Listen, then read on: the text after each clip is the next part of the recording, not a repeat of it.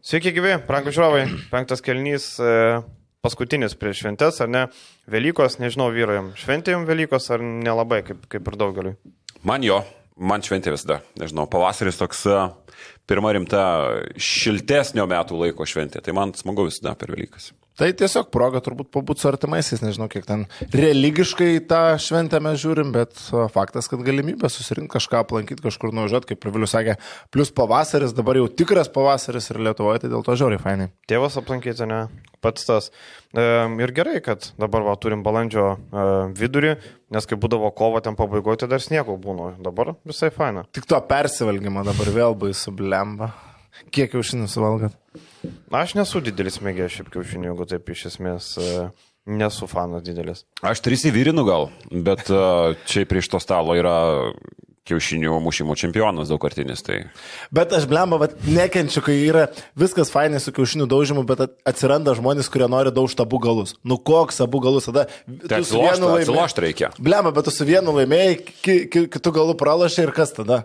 Lygiosios, kokios dar lygiosios? Daužti reikia tik smailais galais.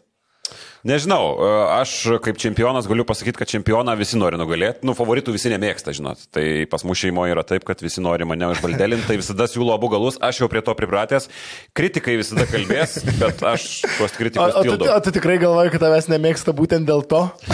Gali būti, galimai. Nu, sako, abu galus duok, nu, abu galus, tai abu galus. Bam, nėra, viskas. Ne dėl to, kad priešnekėjai kažką. Ne.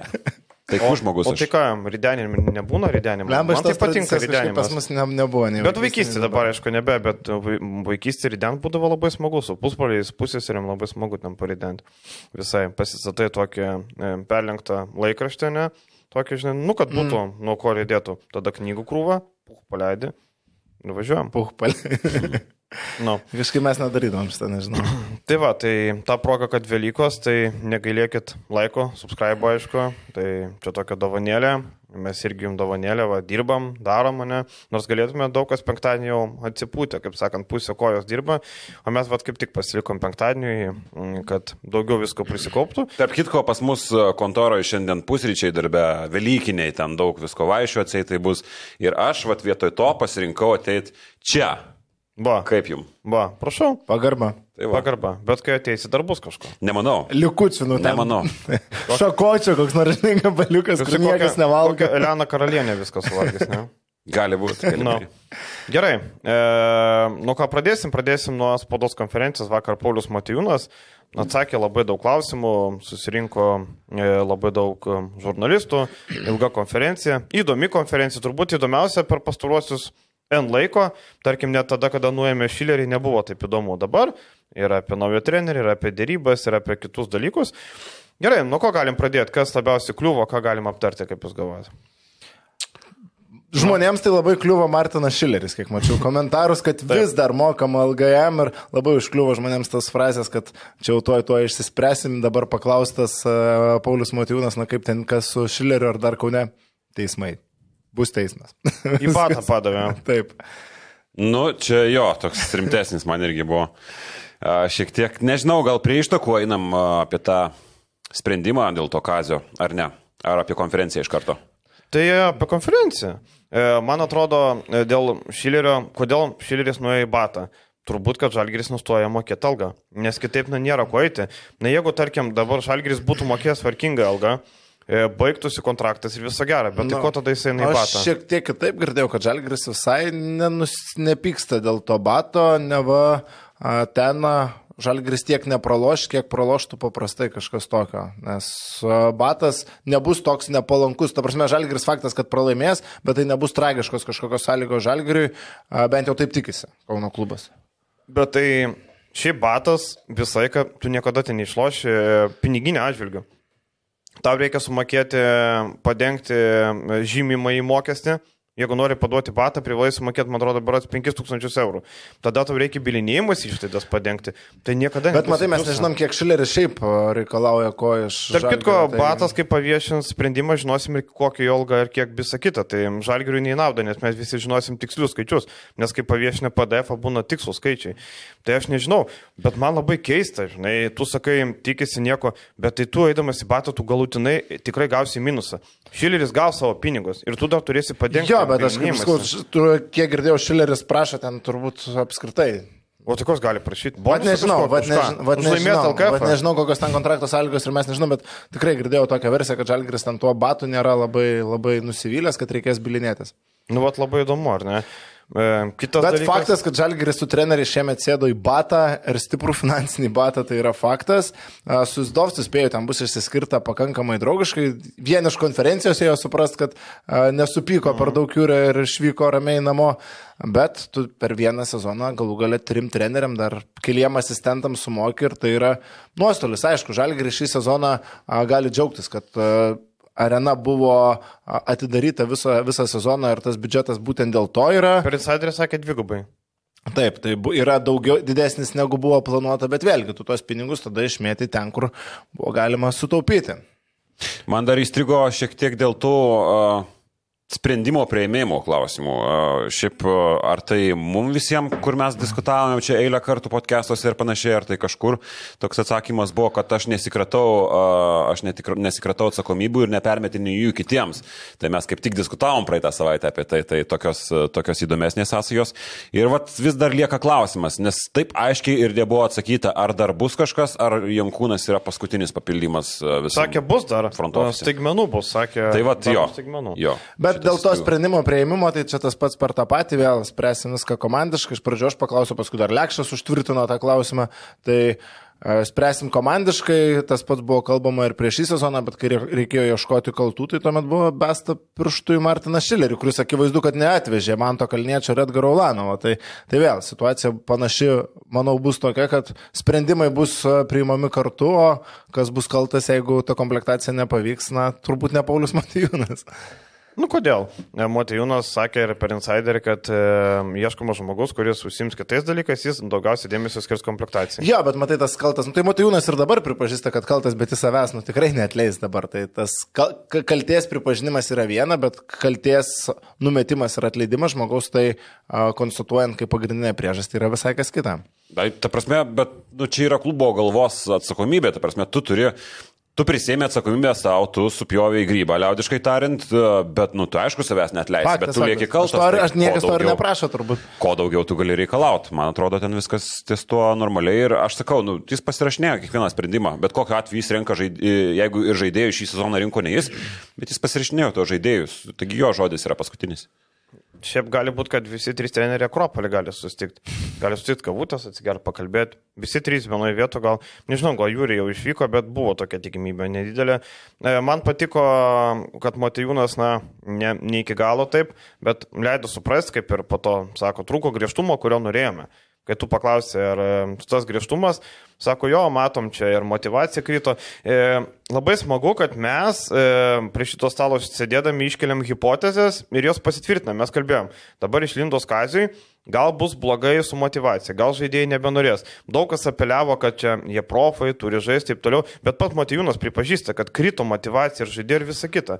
Tai reiškia, mes netokie kvaili. Važiuojam apie motivaciją, dabar man labai įdomu šitas Nu, nu. kampas. E, Kiekvienais metais ir prieš Šaro ta motivacija dingdavo. E, Pasibaigus LKL, mes matėm, kas nutiko pernai Milano Armani Exchange'ui, kuris pralaimėjo pusfinalį Barsai ir vėliau visiškai sugriuvo Italijos fronte. Italai lygiai taip pat sieja su Eurolyga. Žalgerio situacija kita, baigė viską reguliariam sezonė, bet Apskritai daugeliu legionierių, prisiminkim tą patį Pangosą, anksčiau sezonas baigėsi su, su lik Eurolygos sezonu ir tau reikia nusiteikti. Jo, Pankosas geras pavyzdys. Bet iš esmės buvo hipotezė iškelta ir tokia, kad žaidėjai, kurie kurie liks, ar apskritai, kurie dabar apskritai yra komandoje, e, žino, kad Jūrijos Dovso kitą sezoną nebus ir antai jie dėl to prarado motivaciją. Atsiprašau, bet jeigu dėl to būtų tokie dalykai, žaidėjas yra absoliutus kistakiaušis, anot manęs.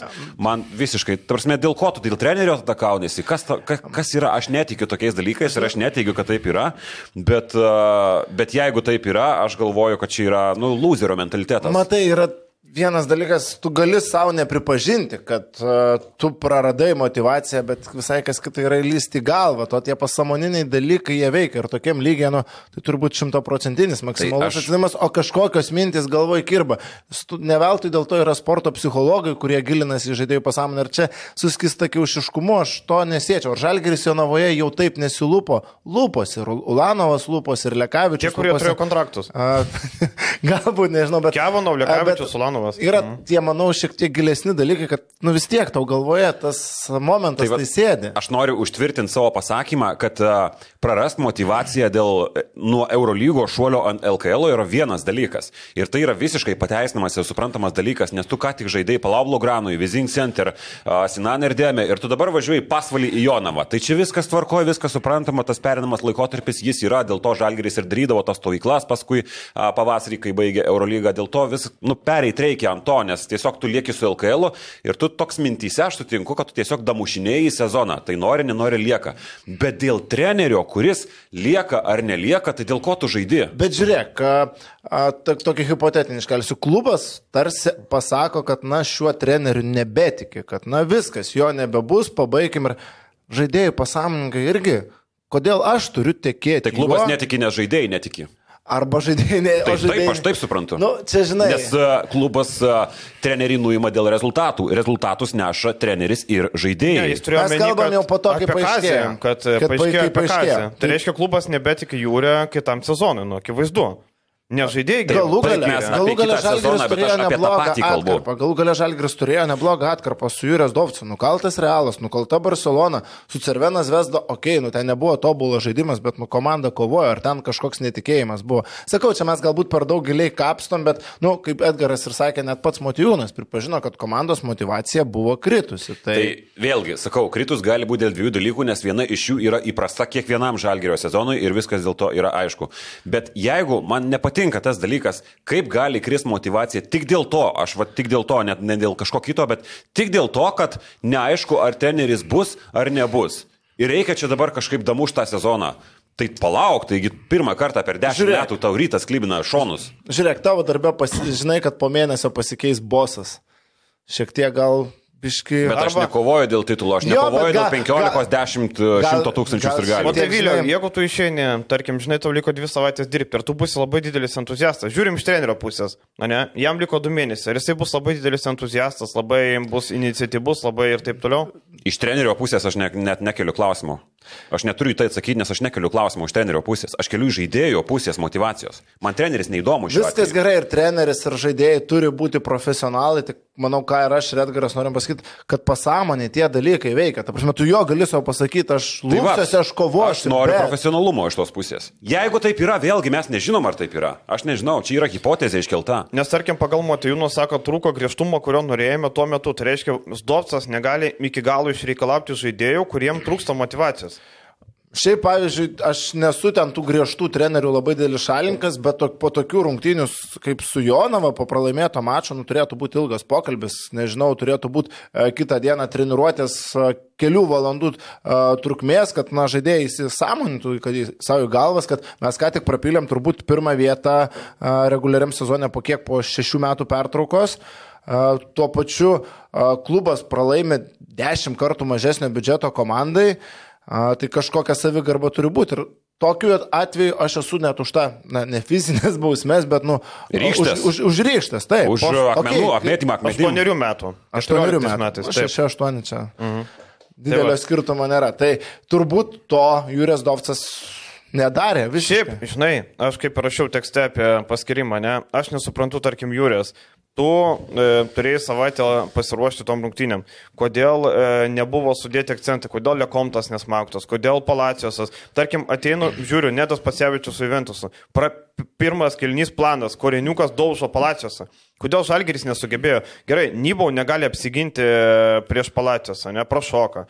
Bet tada kodėl Polime nebuvo atakuotas? Kodėl nuolat Lekomtas nebuvo smauktas? Kodėl reikia statyti Lekabičių? Tai tu pastatyk kitą žaidėją, pastatyk Ulanovą ant, ant, ant jo, ne? Prasme, Žalgris turėjo 10 vietų, per kur mušt. Mes kalbam apie Jonavą, kur nu ketvirtas numeris Vitalijus Kozys, kur net nebuvo svarstymuose, kad jį Žalgris galėtų pasimti pagrindinę komandą. Tai Net žaidėjas- nebuvo kitų LKL komandų rimtesnių svarstymų. Taip, nors tai buvo žaidėjas augęs Žalgirio sistemoje, tačiau jis net nebuvo pritempinėjamas prie pagrindinės komandos ir jisai mušė Žalgirį. Ir Arvidas Gronskis labai daug gavo kritikos, kad pasiliko Kozi dar vienam sezonui, nes sakė, viskas iš jo nieko nebus, reikia paleisti Gulainą.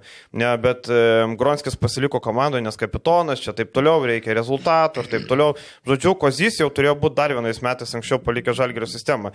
Tai apie ką mes kalbam? Bet šiaip, kad Užbaigiant apie mhm. Kozį, reikia tikrai pagirti žaidėjas, kurį, kaip ir sakai, turbūt praktiškai visi LKL klubai nurašė šį sezoną, įrodinėja, kad nublemba LKL lygių tai drąsiai gali žaisti ir dar patobulėjęs tai gali ir top 4 LKL komandai turėti kažkokį. Man atrodo, usiukai daug duoda, žinai, tokius. Usai, usai jo, nu, šiaip visiems duoda. Tajus nu. Websteris nesutinka su to. Ne, nu, Tajus Websteris. Išimtis iš taisyklės tiesiog. O tai krapikas, krapikas taisyklė. Oi, krapikas, Prašau. labai gerai. E, gerai, apie Motejūną turbūt e, ten daugiau nieko nesurasime. Tai aš dar tik tai dabar noriu pridėti prie, prie vieno klausimo, kad čia buvo tiesiog iš, iš žaidėjo pusės, kas vėlgi, taip, trenerio yra darbas išsireikalauti ir, ir, ir, ir taip toliau, bet jeigu mes, na, nu, aš dar kartą primenu, jeigu mes kalbam apie tiki tik dėl faktoriaus, nutikėjimas ir netikėjimas, jeigu pats Dovcas dinderį volioja, tai vėlgi yra kitas kampas, bet aš e, paimu tą kampą, nes viskas čia yra tiesiog e, mūsų prielaidos, bet jeigu paimu tą kampą, jeigu darbas, viskas vyksta normaliai, viskas vyksta taip pat, ir jeigu žaidėjas tiesiog, a, jis nebus vis tiek kitą sezoną,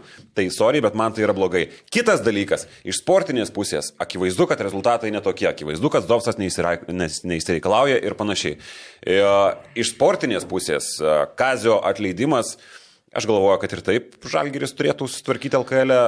Dabar aš. Kazio atleidimas, Jūrijos atleidimas, tik pataisys. Jo, Jūrijos atleidimas, mm. Kazio įėjimas.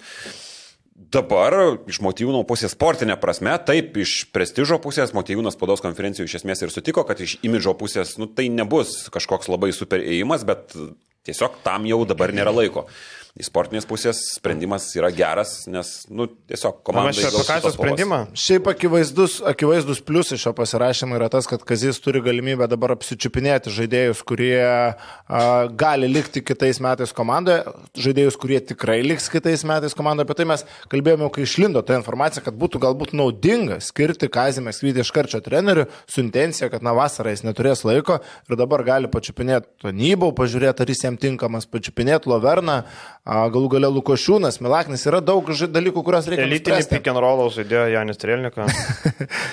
nu, šiaip Elitinė. pagal defaultą elitinis jis ir buvo kažkada pick and roll žaidėjas Bamberge.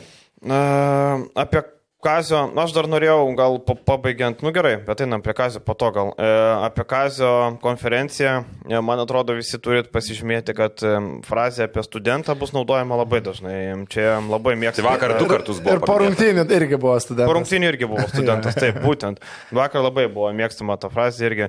Bet e, Kazis Malačius, kodėl? Pirmiausia, todėl, kad išmoko benderinius. Skirtingai negu Jūrijos Dovcas. Už ką mušiau Jūrijos Dovcą nuo pat pirmo grajaus, kad jis tvarkingai išmoko derinius. Čia yra puikus pavyzdys, kad treneris atėjęs į komandą privalo išmokti tos derinius. Nesvarbu, kiek tu laiko turi. Jūrė Matai, buvo žiūrovas Belgrade. Kazis nuo vasario vidurio, realiai. Bet jisai nesimokė tuo metu žalgį. Jis tiek stebėjo žaidimą. Tai... Nu, bet žinai, bet išmokti derinius, nu, nėra genija. Pavyzdžiui, man galėtų duoti, aš išmokčiau per parą tos derinius. Išmoksta visi. Jisai Jūrė buvo žiūrovas Belgrade ir nieks netims iš to.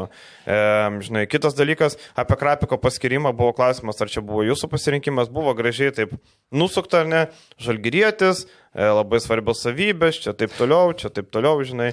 Bet akivaizdu, kad Krapikas, nu kaip, Krapikas buvo klubo pasiūlymas, kurio tu negalėti sakyti, nes turbūt nei Rinkevičius, nei Kadžiulis nėra geriau. Geriausias konferencijos klausimas vis tiek buvo, ar kitais metais pateksite į atkrintamas. Nu, reikia siekti nepasiekimą, kaip sakant. Pasiekti. Ja. E, ką dar apie Kazį? Nu ką, paskirimas e, logiškas, aš irgi, kaip ir sakau, e, ploja pamatus kitam sezonui. Ir e, čia turbūt e, Nu, čia galima pagirti, kad e, man atrodo, kad tai yra labai teisingas sprendimas žiūrint į ateitį. Ir gal prestižui čia nuims Dovca, gal ir nebuvo, bet Žalgeris turbūt jaučia realią grėsmę, kad jie gali nelaimėti LKL, kitaip nebūtų to darę. Tik yra vienas e, momentas, apie jį mes ir čia te kalbėjom, okei, okay, Žalgeris yra vis dar iškus favoritas laimėti LKL, bet uh, procentaliai, na, tų šansų nelaimėti net ir su Kaziu yra. Ir jeigu Kazis sugebėtų propilti LKL finalus, tai uh, motivacija sirgaliams, nežinau, kristų maksimaliai. Prieš kitą sezoną hypo būtų nulis, abonementus būtų parduoti sunku, tai tu uh, kitą sezoną turėjai galimybę atversti baltą popieriaus lapą, su Jūrė pabaigęs, tu pristatai naują erą su Kaziu Maksvyčiu dabar, na, tu tą kozirį išnaudojai už to sezono eigoje, turėdamas tą nešvarų lapą, tą sudėtį, kuri buksuoja, kuri, kaip matome, per, per, per vieną dieną staiga netapo maksimaliai gerai žaidžiančią pakeitus trenerį, kaip parodė rungtynės kėdainėse. Ir nu, jeigu Kazis Maksvytis sugebėtų sudegti, čia būtų didelė problema. Nesudegs ir bus tas nu, hypas. Faktas, net, net nenori apie tai diskutuoti. Gerai, sudegimas e, nėra e, būtinai pralaimėjimas. 4-3, 4-2, vargas finale. Ne, nebūtų ne. nieko tokio, nes Kazio, nu, nėra Kazio komanda, čia visi supranta, jis atėjo. Tai realiai, nebuvo Jūrijos komanda. Realiai jis šoka į ugnį iš esmės, Kazijas, jam būtų gerokai. E, Faktas. Na, taip, jo, teoriškai tu gali sakyti, kad jis apsitrins, tai iš esmės ir yra nauda. Bet iš kitos pusės žiūrint, jis šoka į ugnį, jis labai stipriai rizikuoja. Uh, nežinau ar savo reputaciją, bet galimai ir galių abejojimų juo kitą sezoną, kas mes žinom, kad šiaip tikėjimas ar abejojimas žalgirį yra labai didelis, mes matom tai ant tribūnų visą šitą sezoną. Tai, tai jis tuo rizikuoja, šiaip iššoka į ugnį, aš manau. Aš ne, nemanau, kad jis labai turi ką prarasti. Žiūrėk, tu nesutikai su manimi, bet praktiškai pakartoji tą patį, kad šoka į ugnį. Na, tai faktas, ne, bet tu jis... sakai, kad jis mažintų labai stipriai hypą prieš kitą sezoną. Aš su tuo nesutikau. Tai, su, tai jeigu nelaimėtų Žalgeris kažkokiu būdu LKL, tai faktas, kad mažėtų. Kad tai tribūnose pats sakai, kad ir gali sumažėti. Kitą sezoną. Kitą sezoną. Nu, tai priklausys, aišku, ir nuo sudėties dėlionės. Tai nuo sudėties viskas bet, priklausys, nes bet, jis rinks savo komandą. Bet kaip Jūrė nerinko šios komandos, taip ir Kazys nerinko šios komandos ir spraktelėjus pirštais, na, tie pokyčiai neįvyksta. Ne, tai... Sakė Andrėja Trinkierė, ne taip, ne taip. Vyksta, ne, tai aš sakau, ta prasme, kad aš apeliuoju tai, kad kažkoks hypas mažės, kažkokių bilietų mažės. Ne, bus nauja komplektacija, viskas presės vasarą. Viskas žmonės nuo to tikės. Bet gerai. Susiję šitie sezonai su kitu. Gerai. E, mano spėjimas Žalgeris iki sezono pabaigos pralaimės Max vieną grają. Ką jūs turit? Sutinku, šiaip iš tikrųjų aš iškėliau tą hipotetinę versiją, kad gal kas, būt, bus, kas būtų, Max jeigu būtų. Max aš iš vis sakau, kad gal ne kartą nepralaimė Žalgeris per sezono pabaigos, bet, bet faktas, kad na, niekas nėra apdraustas. Ir kas jis gerai sako, sako, mums ta serija, kai ten klausia, ką manote apie formatą, čia ilgesnė serija, mums palanku, taip, Žalgeris geresnė komanda, sako, stipresnė komandai palanku ilgesnė serija. Akivaizdu. Keturis kartus nugalėti seriją Žalgirį, net ir tokį, nu, finale yra kosmosas. Čia kaip Virtusas dabar piktinosi, kad e, serija yra tik tai iš vieno mačo, nes jie pernai nudegė nuo Unixo, bet ten buvo du mačai. Iki, iki Best of Three jo. Tai uh mhm. -huh. ir šį metą piktinosi, kad su Lietkabeliu vieną kartą reikia žaisti. Tai... Ko jie ten piktinasi? Gavo turbūt geriausią varžovą iš ketvirtos. Teoriškai, net, ta prasme, ne apie varžovę, teoriškai. Jie mm. gal tuo metu, nes tai buvo čia, senas interviu su, su vadovu Lukas. Tas Ir, ir jie dar net nežinojo, ko žais, man atrodo. Ir dabar gražiai dėliojasi Virtusas ir Partizanas iki finalo nesutiks. Bet dar kas jokinga apie šitą temą kalbant, piktintis, kai tu ketvirtoje vietoje finišavai grupiai, uh mhm. -huh. ne tau piktintis. Piktintis gali, kas finišavo pirmose vietose. Ir va dabar gausim kartą nuo aštuntos netyčia per fuksą. Ir štai žiūrėkit, kaip nepasiskė. Kai tu finišavai ketvirtas reguliarkiai, nu, pikčius pasilaikyk savo. Gerai, grįžtant prie Kazio, ar tikit, e, kad Websteris ir Strelnikas gali žaisti geriau? Vakar Strelnikas 18 minučių minus 4 balai, nu totalus košmaras. E, tarkim, sudėjus Websterio Strelniko pataikymą yra 3-15 ir e, keturios klaidos e, ir šešios jis tai, nu, ir minus 2 balai. Tragedija. Apie šitų žmonės čia kalbos yra tokios jau tik eilučių pildymas, nes iš esmės, nu, faktas kaip lynas, nublemba. Strelnikas visai kitos priežastys. Jis kažkada turėjo įgūdžių, buvo labai geras, tvirtas Eurolygo žaidėjas, bet, nu, aš nežinodamas tos situacijos plika akim matau ir, nu, visą sezoną iš esmės mačiau, kad, nu, su skausmai žmogus žaidžia. Jis nėra tiek, jo kojos lėtos, jis nespėja. Kojos lėtos, tai ir sprendimų prieimimas lėtas. Galiausiai polime jis neturi jokios naudos. Pirmo žingsnio jokio neturi. Nu, tiesiog žmogus negali žaisti tam lygiai. Panašu, kad ir LKL e dabar plus prie dabartinio Kai tu žaidži su skausmais, akivaizdu, kad ir nepasitikėjimas kažkoks ateina, tai viskas susideda ir jis tiesiog nu, negali žalgyrį kon tokioj konkurencingoje aplinkoje, iš kurios labai daug visada reikalavimai, jis negali žaisti. Websteris apskritai jis netitinkantis to lygio žmogus. Kas man patiko vakar žiūrint žalgyrio žaidimą, tai kad žaidėjai po prastų atkarpų, kaip Websteris, Blaževičius tikrai turėjo prastų atkarpų, tas pats Strelnikas, vėl buvo metami į aikštę, buvo suteikiami antrieji, tretieji šansai ir, nu, gali kažkaip taip išsirutuliuoti, kad tie žaidėjai pradės duoti kažkokią naudą. Tarkim, Websteris yra krepšininkas, a, kuris gali nešti to siautulio, kad ir kiek mes šiam kritikos daug duodam, bet nu, individualiai vienas prieš vieną, prieš LKL klubus jis gali žaisti, bet kad jis negali žaisti rungtinių pabaigų mes net kėdainiuose. Vakar įstikinom per a, 3 minutės, okei, okay, tam buvo skirtumas jau dvi ženklis, dvi klaidos, žingsniai, pražanga polime, tai pagrindinis komandos žaidėjas, na, žaidžiantis rungtinių pabaigą, negali daryti tokių klaidų prieš rimtesnį varžovą, tarkim, Lietkabelis rytas už tokias klaidas gali nubausti negrįžtamai. Tai Websteris rungtinių eigoje gali būti išleidžiamas kažkokiam laikotarpiu. Strėlininkas galbūt gali susitvarkęs kažkokią psichologiją pasiūlyti kelis taiklius tolimus metimus, bet gynyboje kitos problemos. Man atrodo, kad jis labai protingai dabar darys e, tausos Lekavičių. Tarkim, vakar 20 minučių, average, taip žinai, kai kurios situacijas gal e, Musdovcas būtų drožęs Lekavičių iki galo, kad jis tai paliko savo eigai, paliko kitiem. Ir labai protingai, dabar čia nevėžį galima plošti taip ar ne, kai ateis finalai reikės Lekavičio šviežo. Tai labai teisingai viskas daroma turbūt. Ir vakar gaila, kad Murauskas nežaidė, Murauskas išvyko į jaunimo Eurolygą. Ten bus įdomu ir Kryvas, ir Murauskas, įdomu, kaip Žalgeriai jaunimėlis judės, tarp kitko penktadienį vakarė pradeda. Dar, nu ką, pažiūrėsim, kokius kokius pakeitimus, kas jis spės įgyvendinti. Šiaip e, treniruotėm laiko nėra labai daug. Nu ir dar apie vakar kalbant, nu būtina pamir, pa, pagirdo Miniką Stanionį. Nu, blemba, gražu, gražu buvo žiūrėti, kaip drasko, aštrų žaidėjas, geriausios rungtynės prie žalgerį matėsi tas psichologinis labai noras a, parodyti, kad yra šio bei to vertas. Aišku, čia kažkokių konkrečių išvadų daryti negalima, bet maloniai, manau, nudžiugino daug, kad toks Stanionio pasirodymas. Ir šūvis iš kitos aikštės pusės. Ir tie drąsūs sprendimai, blemba po išsikeitimo, jisai dar šiek tiek patobulinęs metimą gali tai paversti rimtų ginklų. Tarkim, lieka priešinybų, lieka Marekas po driblingo, taip metančių gynėjų Lietuvoje nėra daug, iš tikrųjų vos keletas, kad susikurtų vien savo kamulio varimuose pakankamai erdvės, kad paleistų tolimą metimą. Jeigu jie dar būtų šiek tiek realizuojami aukštesnių procentų, tai gali būti rimta jėga. Jaunimo čempionate palauk praeitą vasarą žaidė, ne? Tai Jo, labai jo. matėsi jau, kad, kad, kad vyrukas neblogas. Nu, aišku, fiziniai duomenys tai labai stipriai ribos. Tai Lekavičiaus prototipas, jeigu bus, tai labai gerai. O Lekavičius tokių duomenų, tai jau čia yra super aukštas lygis žaidėjas. Faktas. Vakar Amaras Tyla, nu, dominavo prieš Mariką Blaževičią, prieš mūsų e, perspektyvą aukštų ūgio. Amaras Tyla irgi 20 metės. E, puikiai, šiaip e, Silos progresas labai gerai matosi viso sezono metu ir nebejoju, kad Silos kitą sezoną kedaniuose nebebus. Tai tikrai pakėlė savo vertę ir parodė, šiaip geri pasirodymai 29 minutės, 10,5 taško, 15,4 naudingumo balų. 7-3 atkovoto kamulio, tikrai syla beveik du blokai. Super. Ir šiaip sprendimai, kokybė jų, nusimetimai, kamulio, pataikyti taip pat gali pakankamai neblogai ir iš vidutinio, ir iš tolimesnio nuotolio, nors tam procentas berots apie 30 iš 3 taškų zonos, bet iš esmės tai yra metantis žaidėjas, kaip aukštaugis. Tai a, Silos progresas akivaizdus, o vakar 4-5 blokus, man atrodo, išrašė Žalgirį, visus pūtė Gifajų. Šešis. 5, 6 net. Mhm. Gifajų pūtė, Ulanovą pūtė, Blaževičių du kartus pūtė, nu žiauriai gerai atrodė. Susirvyžintus fotkinai?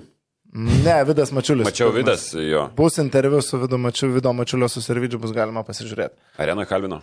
A, Nu, tai ką ten porą frazių ten bus. Ten, ką ten. kodėl? Nu, Gal Europą reikia grįš? rimtesniam interviu, ne, Sirvidį. Tai ką, apie Kazį viskas, ar ne? E, Gal liekam šiek tiek e, prie LKL reikalų. Matom, kad e, dabar Žalgeris turi tikėtis ryto pralaimėjimo per keturis mačius. Rytas, rytas turi, na, tokių pusiau pavojingų varžovų, ar ne? Jeigu taip žiūrėti pagal pavadinimus, pavojingi, pagal žaidimą nelabai. Pralaim, rungtynės pirmadienį namie su Juventusu, namie su Prienais, namie su Dzukais ir išvyka pas Neptūno Domaitį. Aš tik nesutikčiau su vienu tavo paminėtų dalykų. Ne Žalgeris iš esmės turi tikėtis ryto pralaimėjimų, liet kabelis labiausiai turi tikėtis. Nu, Žalgeris jeigu nori laimėti reguliarų sezoną. Tas reguliaraus sezono laimėjimas. Bet finalė yra- neturėtų pranašumo namų. Aš manau, aš jo, toliau tai pritariu iš to vietoje. Po... Taip, Žalgeris prarastų šiek tiek būdamas antras, bet, nu, liet Ne, tai kabelis. aš ir nesakau, kad Žalgiris- Namų pranašumas e, LKL finalo serijoje, aš nemanau, žinau, kad vaidins kažkokį rimtą vaidmenį. Mano Ne, nu, nuomonė. Gal e, šiaip tiesiog dėl prestižo, dėl Taip, viso taip, kito. taip. Nu, bet kuri komanda nori lai- laimėti reguliarkę, žinai. Tiek, kad skaudžiausia čia yra liet kabelis. Taip, taip. Čia net ir bet. Lietkabelis pats pralaimėjo rytui tas rungtynės, turėjo visus šansus pirmadienį laimėti, bet e, labai daug dalykų padarė neteisingai, turbūt reikia tai pasakyti. Ir Gedrius Žibienas puikiai pasiruošė, be Ivano buvos, matėm, e, kaip palanku, galbūt Lietkabeliui palankiau, jeigu Ivanas buvo būtų rungtynėbės, kuris e, sirguliuoja, vėl nežino, kas jam ten yra. E, tai jo jo lietumą galima buvo puikiai išnaudoti prie Lietkabelio mėgstamos gynybos sistemas, bet dabar prieš Džervisą, prieš kairį buvo didelių problemų. Šiaip ir sėkmės šiek tiek momentais truko, aišku, čia, kaip ir sakai, rytas nusipelnė pergalės, bet kai tu pratesime, prameti kiek keturias, penkias baudas, prameti du kartus iš pokrepšio. Nu, aišku, čia vieni sakys, kad tai sėkmė, kiti sakys, kad tai yra meistriškumas, tiesa turbūt kažkur per vidurį. Ten dar, žinai, tose rungtynėse, tarkim, buvo Buvo tų tokių teisėjų sprendimų, ten labai apeliavo dėl vieno kito, dėl, e, matėm, buvo paaiškinimas LKL dėl to linijos, e, ten tarsi nu, nesimato grinai, atrodo liktai minė, bet nesimato, kad minė iš tikrųjų iš kito kampo, tai teisėjai paliko tą pirminį sprendimą, kad e, laisnerio 3 taškai ne 2. E, tai viskas suprantama, tokios taisyklės, e, ten labai daug apeliacijų, šiaip pirmą kartą per tiek laiko e, žieptuvėlis skrydo į teisėjus iš tribūnų, moneta buvo irgi mesta, būtent po to epizodo, kai Džordžio Gagičius e, nugriovė kairį. Spėčiau, kad Katleris paleido, ten jį labai dažnai rodė. Ne, bet jis įdėjo ten prie, prie, prie, prie pat manęs. Tai, tai sakau, labai, labai, labai patogu iš ten švisto. Jo, ir, e, nu ką, šiaip parelikas ten kiekvieną kartą griebdavosi už galvos po kiekvieno kontakto, kartais jau per daug tenai buvo ir teisėjai po to pradėjo nebereaguoti, nes per tą mačą aš vakar pasižiūrėjau bent penkis kartus griebėsi už galvos, e, ten žinai, bet e, ir po to, kur ten jau buvo tas kairio su, su ranka pataikė per tą galvą, na reikėjo žaisti toliau, bandyti prasižengti pačioj, po to Gakičius ten jau degantį namą bandė gesinti jau ir gavo nesportinę. Šiaip Oreliukai, aišku, tos rungtynės buvo tokios psichologiškai įdomios, kaip žinai, žmona tuo metu gimdė, tai gal, Nežinojo, gal, nes, gal nesusitvarkė tuo metu su emocijom žaidėjas, nes matėsi, kad momentais ir perdegas, ir dvitaškai vienas iš aštuonių tie pramesti iš pokrepšio metimai, na, ne visai toks Orelikas, kokį Lietkabelio gerbėjai buvo įpratę. Bet tai žinojo, kad gimdo ar ne? Ne. Bet tai vis tiek turėjo kažkokias jau prieš rungtynės ženklus. Tai jau ten gausi. kurį laiką, jau ten... Staigmena buvo, kad... Ten dar kurį laiką Gabrielė, kai filmavo laidą su juo, jau tada tenai žmona sako, aš čia gal to gimdysiu, ten išlėkė, ten tada ten jau kurį laiką buvo, kaip sakant, ant įtampos, ten buvo laiko. Ne, bet prieš rungtynės irgi aš įsivaizduoju, vis tiek turėjo žinot, kad jau, jau, jau beldžiasi kažkas. nu. Nes šiaip jeigu žinojo, tai... tai Pofiktas grajus tikrai Orelikui ir šiaip apskritai žmogui tokia atveju aš įsivaizduoju. Tai va. Tai va. Ne, tai Aurelikas e, visas jėgas atidavė, 31 minutę sužaidė, tikrai stengiasi, kovojo, gal kažkur per daug emocijų bandė ten parodyti pražangas, kažkurias kontaktus, kažkurios. Taip ir buvo, žinai. Na šiaip tose rungtynėse dar šiek tiek apsistojant, Davidas Gedraitas man dar labiau pasikėlė vertę, nublemba, kai kiti žaidėjai atrodė šiek tiek sudegę lietkabelio pusėje, ten tie netaiklus metimai. Gedraitas lemiamais momentais imdavos iniciatyvos, pataikė sunkius kelius tritaškus metimus, jis realiai ir daugiausiai prisidėjo, kad lietkabelis sugrįžtų iš to dviženklio deficito, bet to neužteko gale. Ir Speedy Smithas meistriškai uždarė rungtynės, toks metimas, kur ten gali sakyti, buvo pražanga, nebuvo, ten boteva, trys taškai tikrai buvo. Bet vėl. Šiaip prisipažinsiu, su, su žmona žiūrėjau tą rungtynių pabaigą, kaip tik grįžęs iš kitų LKL rungtynių, kur komentavau, ir tas pratesimo galas Speedy su kamoliu, dabar sakau žmonai, žiūrėk, dabar šitą sugadinti šitą ataką pys paleido tritaškį su, su pražanga žmona taip į mane. Mhm. Bet iš esmės, taigi buvo prieš tai mažiausiai trys atakos, ar kiek kuris bandė imtis ant savęs. Nu, čia yra spėjimas. Tai ket, ketvirtą kelnę gali irgi. Tu paleido. nežinai, ką su juo gausi ir dėl to man ir nepatinka ties gerais epizodais, ties gerom rungtynėm, jis yra labai geras žaidėjas, turi smegeninę ant pečių, gali žaisti vienas prieš vieną, pataiko prie geros dienos, bet tokių dienų kiek yra, kas, kas trečios rungtynės, kas ketvirtos. Bet tai lyderystę turi žaidėjas. Lyderystę turi, charakterį turi, viskas yra su tuo tvarko ir ko gero biudžetinis variantas, jis, nu, iš bėdos tinkamas ir šiaip ne vienas rungtynės ištraukęs yra šį sezoną. Bet, nu, aš turiu irgi savo nuomonę apie šitą žaidėją. Spydis Mitas rungtynių MVP MVP dar be to metimų, kaip jisai skirstė kamalį, kaip laiku atlikdavo perdavimus, kaip splitindavo gynybą, kai reikėdavo. Spydis Mitas buvo geriausias ryto žaidėjas be jokių kalbų tose rungtynėse ir būtent jo sprendimai, jo nusimetimai Jisai buvo tikrai. Vienareikšmiškai, tai aštuoni rezultatyvus perdavimai ir man netgi šiek tiek keista, kadangi Lietkabelis na, pasižymė visai neblogą gynybą prieš perimetro krepšininkus, bet nu, niekas negalėjo sustabdyti uh, Smito ar išsikeitimuose, ar situacijose vienas prieš vieną, jis labai sėkmingai įeidavo į baudos aikštelę, atlikdavo nusimetimus atgal į perimetrą metrą, tam pačiame valdui kairiui gerai pikonrolę įmesdavo kamuolį, tai Spidžio Smito žaidimas ir iki to metimo buvo tikrai labai solidus. Tai čia buvo vienas iš tų gerųjų mačų ir šiaip jis po, po to driblingo savo metimus, po to stebekų jisai visai susikūrė, ten, jeigu pastebėsime tą metimų selekciją, jį pakankamai būna nu, atitraukta nuo gynėjų ir pakankamai laisvas tuoms metimus įsimeta, bet sakau, bėda ta, kad stabilaus metimo žaidėjas neturi. Ir aišku, jeigu būtų prametęs, mes žiūrėtumėm į skaičius 4 iš 12 metimai iš žaidimo būtų, dabar 5 iš 13 pataikytas tarsi svarbiausias metimas. Tai... Tiesiog, net nežiūrint į taškus ir pataikymą, mm. tiesiog pats, kaip vadovavo komandai, kokius sprendimus, tarkim, su Vaidu Kariniausku absoliučiai nefunkcionavo. Žaidimas ryto, Kariniauskas perlaikydavo kamolį arba jeigu bandydavo atlikti perdamą, ten lietkabelio žaidėjas laukdavo. Tai Karniauskui nebuvo geras mačas. Normantas šaltakraujiškai keturias baudas sumetė, kur, tarkim, Kalaidzakis nesumetė. Normantas galė sumetė.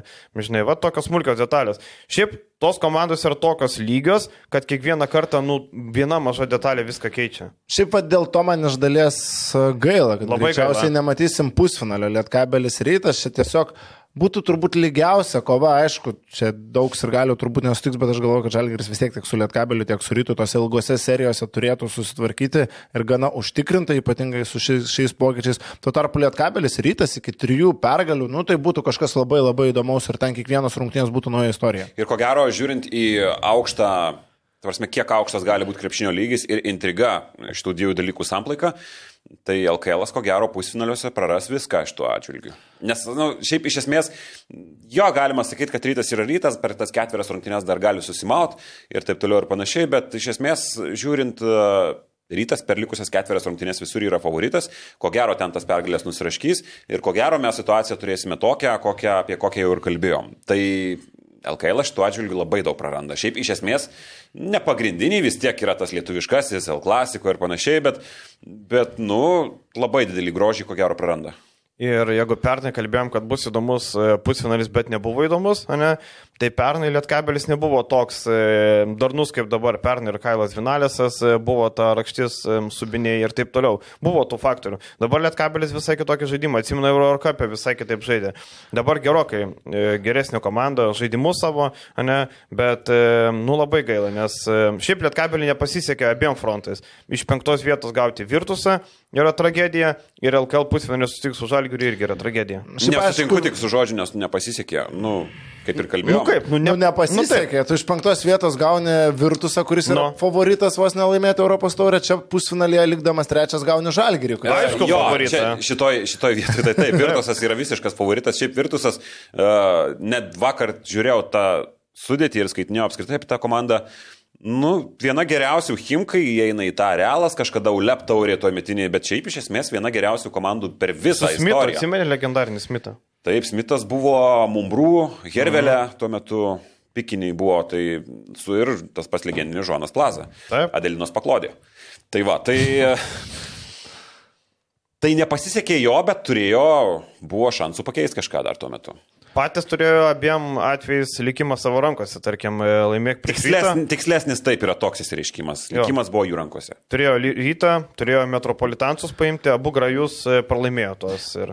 Aišku, čia gal šiek tiek paprieštarausiu pats savo, kadangi visai neseniai mm. sakiau, kad Žalgris gal net nie karto nepralaimės, arba jeigu... Dabar pra... sakysi, kad tris kartus. Ne, arba pralaimės ten vieną, du kartus, bet pusfinalėje intrigos tose rungtynėse atskirose Lietkabelis gali nešti su Žalgiriu žaisdamas namuose, neskau, kad laimėti, bet pusfinalis Žalgiris Lietkabelis irgi bent savotiško žavesio turės. Bent jau kasės sugrįžimas leis klubų uždirbti pinigų iš bilietų. Čia fašio. Čia tikrai. Jo, tai dar bus repeticija, tarp kitko, kitą sekmadienį sužais panevežį repeticija pusfinalio. O kalbant apie ryto, ten tas likusius, tuos likusius keturis mačius, nu, tai yra dviejas rungtynės, kur šiek tiek paprakaituoti reikės. Klaipėdoje laimėti prieš Neptūną, dar Dainiaus Adomaičio, paskutinė mačia nėra taip jau visiškai lengva, nesakau, kad ten 50 prieš 50, bet šansų tikrai turi Neptūnas. O bus pirmas? Uh, Adomaičio paras pirmas ryto. susitikimas. Pirmas, pirmas, pirmas. Ir Juventusas vis tiek tai yra sunkiai prognozuojama komanda, jeigu dar žais e, Milleris, jeigu pasigautų gerą dieną. A, tai neparankus, sakyčiau, netgi šiek tiek varžovas rytų ir šiokių tokių šansų ten irgi dar padrums ten viską turi. Tiek, kad a, Juventusui, aišku, čia matematikom gali neužsiminėti, bet jeigu jie penkti ketvirti, tai turbūt net neapsimoka laimėti prieš rytą reguliariam, bet čia jau tolimesni skaičiavimai. Čia šiaip tai, tai pažiūrėjus, Jonava turi visus šansus užimta ketvirtą vietą, Šiauliai turėjo labai gerus šansus, bet sugebėjo pralaimėti nevėžiui. Pralaimėti septynėse irgi nereikia. Nu taip, bet vis tiek pralaimėjo nevėžiui. Ne? Ir šiaip Sireika vakar labai drąsiai pasisakė, Sireika, nežinau, Kas mūsų nugalės, kas mūsų sustabdys, sustabdys ir nugalės. Būkite ramus, Antanai Sireikai. Bet jo drąsus pasiteis, pasi, visi šitie įsireiškimai šį metą eina. Tai buvo prieš karaliaus Mindaugo taurę. Pasiteisino. Pasakymas, kad busim, tai pasiteisino. Dabar irgi gal. Gal žmogaus e, psichologiniai tokie mind games. Tai Turbūt. Viskas. Bet e, ta ketvirtos, penktos vietos e, ketvirtfinalio serija, kad ir kurios ten dvi komandos būtų, bus labai įdomi. Ar Utena, Šiaulė ar Jonava, kas tarpusavėje besusitiktų, tikrai jo. pasikapos. Gerai, eisim prie Eurolygos, bet dar trumpai pažiūrėkim, sakėm, pažiūrėsim Virtusą Lietkabelį, ne ką mes galime apie tai pasakyti. Turbūt, kad, na, Lietkabeliu reikia tikėtis, kad Virtusas išeis į aikštelę, nežinau, nenusiteikęs. Ar įmanoma nenusiteikti aštuntfinaliu? Čia turbūt sunkiai. Žinai, tas variantas nebent, nu, pradės neįt rungtynės, tada gali pradėti žaisti e, pavieniui, suprasdami tų rungtynių svarbą, suprasdami, kad yra visiški favoritai ir sudegt patys. Kaip sako garsus krepšinio klasikas, reikia kentėti ir smogti. Ir dar gali būti šiek tiek namiežais, Lietkabelis neturės, nu, visišką underdogo etiketę ir iš esmės Virtusas iš klubo vadovybės kiek Italijoje irgi kalba, ir kas yra natūralu, turi didžiulį spaudimą kitą, žais, kitą sezoną žaisti Eurolygoje ir pageidautina, kad ta Eurolygos vieta būtų užtikrinta per Europos taurės pasirodymą, tai yra patikimas į finalą. Ir pavyzdžiui, buvo vienintelis tas pralaimėjimas Italijos taurės pusfinalį, man atrodo, Ir Luka Baraldi, komandos vadovas, viešai įstojo, ten atsiprašinėjo Segafredo savininko, kuris kiša milijonus, jūs čia dedat šitiek pinigų, čia mes... Kuo užsiema Segafredas? Uh, Segafredas yra kovos uh, didžiulis uh, gigantas, visam pasaulyje kavinės mhm. yra. Tai va, bet uh, irgi ketvirta vieta reguliariam sezone, bet reikia pasakyti ir dar kitą dalyką, čia Sergijos Kariolo nebūtinai, nu, tas jų žaidimas pakankamai silpnas, kiek aš esu stebėjęs ne vieną kartą, bet iš esmės, nu, visos komandos ašiai skirtingose pozicijose turėjo traumų, Udo iškrito visam sezonui, Menjonas turėjo tokių problemų, kurias jis nešioja ant pečių iki šiol, Teodosičius buvo iškritęs, Avudo Abasas, kuris turėjo žiauriai gerą presezoną, labai stiprų pasirodymą, Iškrito iškart dar net nesužaidęs ne vienų rungtynių. Kordinė buvo iškritęs, Hervey buvo iškritęs. Džakaras Samsonas važiavo pakeisti Ekpė Udo ir jis iškrito. Marko Belnelį irgi buvo iškritę. Ir ant galo ant viršaus dar COVID smogė visai komandai su Sergijos Koriolo. Tai problemos buvo didžiulės ir ko gero, iš esmės nereikėtų ieškoti kitų pasiteisinimų, tik tai atkreipdėmėsi į traumų sąrašą. E, šiaip e, reikia pasakyti, kad e, Virtusas taip sutriuškino Milaną, bet Milanas su korona turėjo problemų, žaidė labai menka sudėtim. O štai prieš porą dienų Virtusas namie žaidė su to pačiu Trentu, kurį Lietkabelis du kartus sutvarkė be problemų ir turėjo po pratesimo tik tai laimėjo Virtusas. Tai čia irgi toks vienas iš dalykų. Kailas Vimsas 35 minutės. Šiaip žaidė visi išskyrus Belinėlį. Vimsas, Samsonas, Šengelija, Haketas, Kordinė, Teudosičius, Hervey, Menjonas, Alibegovičius. Žodžiu, visa kapela yra. Visi groja, pažiūrėsim, ar e, bus tokie, tokie geri grojikai, ar ne? Heketas dabar jiem labai praverčia, nes e, šiaip Virtusas yra komanda, kuri uh, silpniau gynasi perimetre, neturėjo tokių labai daug visiškų vilkų, tai perimetro gynyba jiems strigo ir tas tą rodo statistiškai, kaip viena daugiausiai tritaškių buvo praleidžianti komanda Teoriškai tuo lietkabelis galėtų naudotis, bet vėl Heketas šitą skylę šiek tiek dengia dabar atvykęs iš CSK. Šiaip šios rungtynės nemažai parodys ir apie patį lietkabelį, apie tos perspektyviausius šios komandos žaidėjus, kaip jie atrodys susidūrę nu, su tokio kalibro žvėrimi. Vienas dalykas yra žaisti LKL prie Žalgerį, kur kelis kartus susitinki su tuo pačiu klubu ar su tuo pačiu rytu. Visai kas kita, kai tu žaidži su nepažįstama visiškai komanda, su topinė Eurolygos Europos komanda išvykoje žaidė lemiamą mačą ir va, pasižiūrėsim, ko vertas Panajotis Kalaidzakis, ką gali Davidas Gedraitis ar Kristupas Žemaitis, tai bus labai neblogas lakmuso papirėlis. Man šiaip įdomiausia, ko verta stepauto gynyba. E, manau, kad Virtusas turi puikius ginklus jam talžyti ir šiaip turi Mamadų Džetech, yra greitas centras. E, Džekaras Samsonas gal labiau toksai iš toliau ar ne, bet e, manau, čia yra pagrindinis aspektas. Tarkim, rytas buvo labai gerai pasiruošęs tam, žiauriai gerai. Ir tos komandos, kurios sužaidžia gerai pristapautą, laimi prieš Lietkabelį. Tai ir žinai, Gediminas Orelikas ketvirtam numerį prieš Turniką Šengeliją. Čia, Čia bus metų dvikova. čia bus įdomu. Čia bus įdomu. Radyčiavičius prieš Haketą. Prieš Teodosičių irgi. Nu. Nu, labai įdomu. Saldu gardu. Jo, taip Eurocapą pasižiūrėjo, šiaip e, aštuntfinalio poros tokios, kad e, labai mažai galima tikėtis netikėto. Iš esmės, jeigu tai pasižiūrėtume, ką, tarkim, 7betai e, prognozuoja, tai nebent e, Andora Budušnas gali būti rimtesnė kova. Visur kitur prognozuojama, kad namų aikštelė šeimininkai e, užtikrintai žengs į kitą etapą. Tai lauksim netikėto, kaip sakant, lietkabelio reikia tikėtis netikėto ir viskas, daugiau čia nieko nepadarysi. Pažiūrėsim, E, linkim sėkmės, o mes einam prie Eurolygos, kur pagaliau paaiškėjo poros, nu pagaliau, nu kiekgi galima buvo laukti. Ir kai kurios komandos jau pamiršo, kad žaidė Eurolygoje, o kai kurios tik tai sužinojo savo varžovus trečiadienį. Ir, nu gerai, pradėkim. Kiekvieną porą iš eilės, pradėkim nuo pirmos. Milanas prieš Anadolą. Jie pradės atkrintamųjų seriją 19 dieną, 20 val. Milanas Anadolų, ką vyrai galvojate apie tai? O, pradėk. Uh, spėliosim paskui rezultatus ar ne? Žinoma, iš karto. Žinoma. Puolimas prieš gynybą. Klasika, klasika, kurią matėm šiaip Eurolygos finale. Uh, Ne šitas dvi komandas, bet uh, tos ideologijos uh, prasme. Ir aš galvoju, kad uh, kortos sudėliojo taip, kad čia favoritas yra netgi Anadolu FS. Aš galvoju, kad tokia polimo komanda, kuri yra Puolimo komandai labai reikalinga psichologija, labai reikalingas tos uh, tough games. Ir aš galvoju, kad joms atėjus uh, šiaip Anadolu FS ir yra favoritas su visais savo Larkinais, uh, visais Mormanais, visais Misičiais ir panašiai. Man atrodo, kad prie dabartinių plus problemų, kurias turi Milanas, kurios yra akivaizdžios, Mitoglų vėlgi nežais, ar ne? Ne, Jis negali. suspenduotas. Taip. Taip. E, Mitoglų nežais, e, paskui turėjo COVID komandą, tri- sutriko treniruočio ritmas. Aš galvoju, kad Tonodolo FS yra favoritas, bet aš galvoju, kad keturių arba penkerių rungtynių prireikšto serijoje. Na, tai ir dar vienas naujas koronaviruso atvejis, Armanio užfiksuotas, net nepaskelbta, kuri žaidėjas, bet e, korona ten stipriai pajaukė a, sezono pabaigą. Ir aš irgi sutiksiu su Vilium, kad uh, Anadolo Efas ateina kaip favoritas į šią seriją, pagerinęs žaidimą sezono pabaigoje, net ir be Micičiaus. Larkinas įsisiautė, Larkinas primena netgi tą krepšininką, kurį matėme prieš porą sezonų, kai jis buvo pagrindinis komandos lyderis, nes pernai tarsi ir Micičiaus šlovės valanda buvo, tai Anadolo Efas aš irgi galvoju, kad šią seriją turėtų laimėti, tikrai nesausai.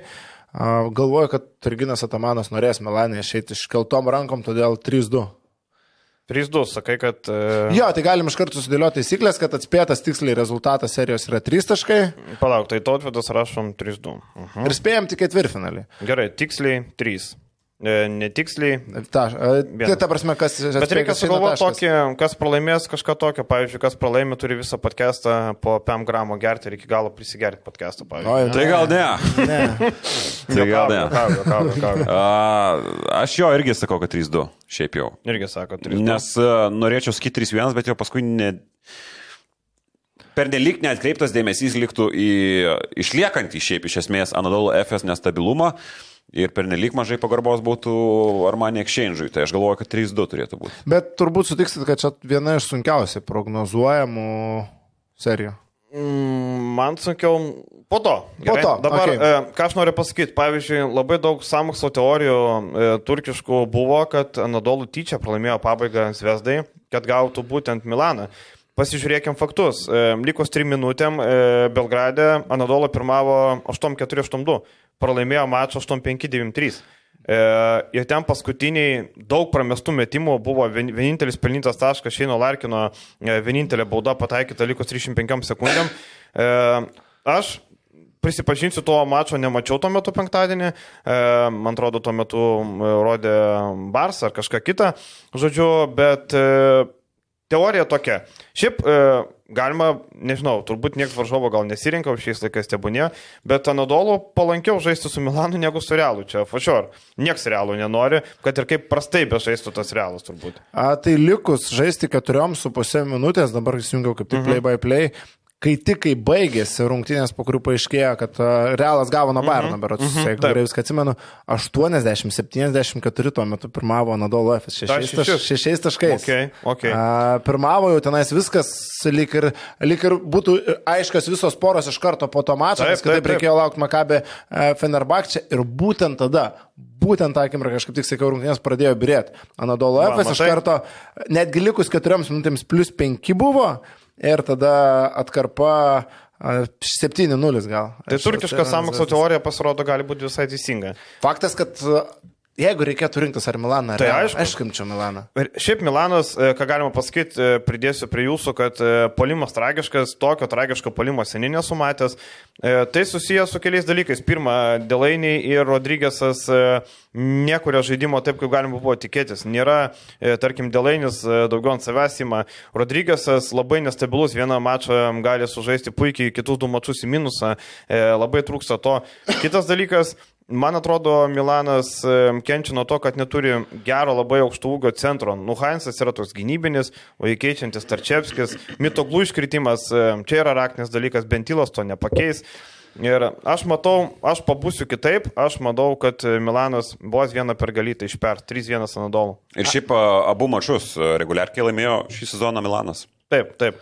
Tarp kitko, netgi tas ištraukė, ten pas, pastarojo dviko buvo, kur ten jau ištraukė netgi, bet, e, bet aišku, tikrai mm, atsiras, manau, manančių, kad ar man nėra daug silpnesnis varžovas nei realas šiuo metu, bet aš vis tiek Madrido klube matau to potencialo, net ir subirėjus, net ir išmetus. dar priesim to. Kurie, jo, jo, bet nu, čia vis tiek ta pati Jo. plius minus tema, tai aš galvoju, kad vis tiek realas yra pavojingesnis šiai dienai negu Armanis. Anadolo ką, Micičius žais, nežais, e, turėtų žaisti, jo Micičius dalyvavo netgi tokioj, e, Anadolo rengė tokį kaip podcastą su savais žaidėjais apie seriją, jis ir buvo atstovavo komandai, tai vadinasi, na, turėtų būti pasiruošęs.